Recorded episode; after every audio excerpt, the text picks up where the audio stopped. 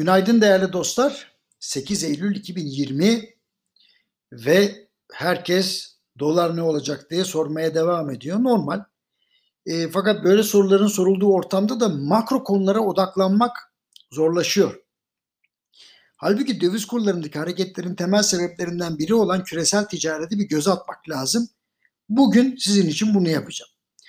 Hafta sonu İhracatçılar Meclisi'nin genişletilmiş başkanlar kurulu toplantısında moderatörlük görevi yaptım ve tam olarak 6 saatlik bir maratondu bu ve tim ve ihracatçı birlikleri dış ticaret rejimi vesaire her şey ele alındı.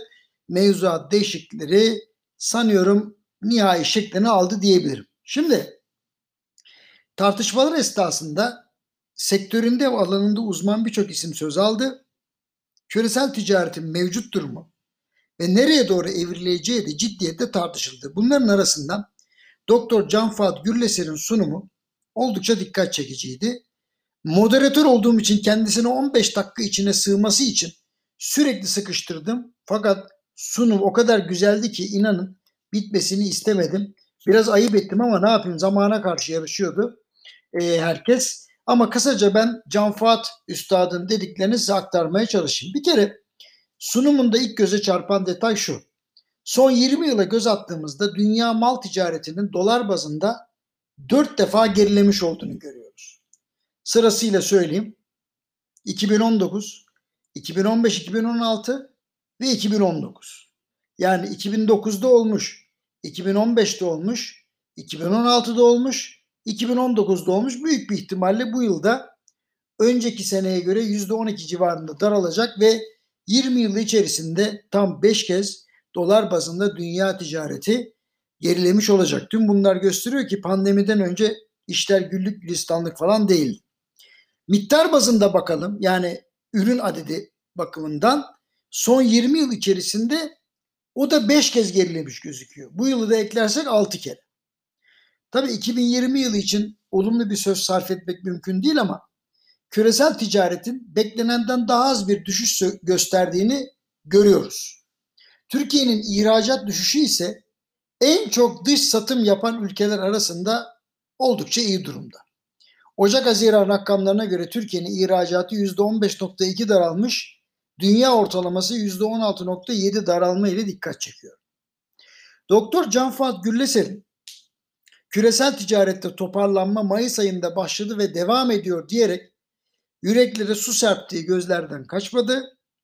Ama sanayi üretiminde küresel olarak toparlanmanın başladığını söylemesi herkesi memnun etti.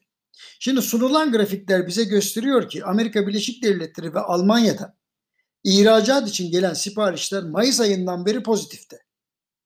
Çin toparlanmaya devam ediyor. O da büyük ihtimalle pozitife geçecek.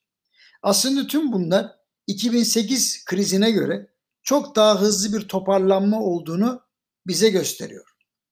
Küresel ticaretle alakalı küresel ölçekte yapılan tartışmadan çıkan sonuçları da Doktor Güllesel şöyle özetledi. Bir kere bir, yurt içinden tedariğin arttırılması gerekiyor. İki, özellikle kritik ürünlerde yurt içi tedariğin mutlaka sağlanması gerekiyor.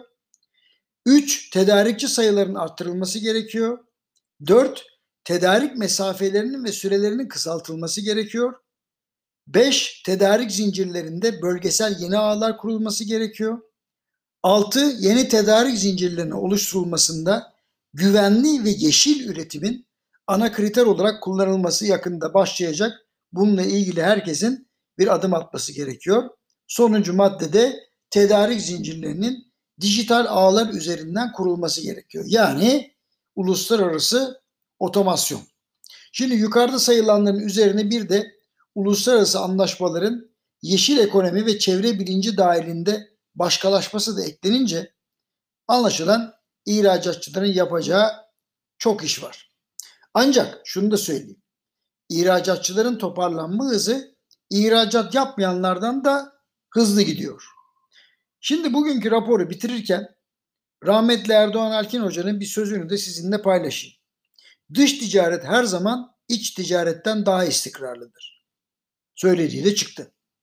Yani döviz kazandırıcı faaliyetlere ağırlık vermenin yanında eğer üretimde de katma değer sorununu azaltırsak her gün dolar ne olacak diye sormaktan vazgeçeriz diye ümit ediyorum.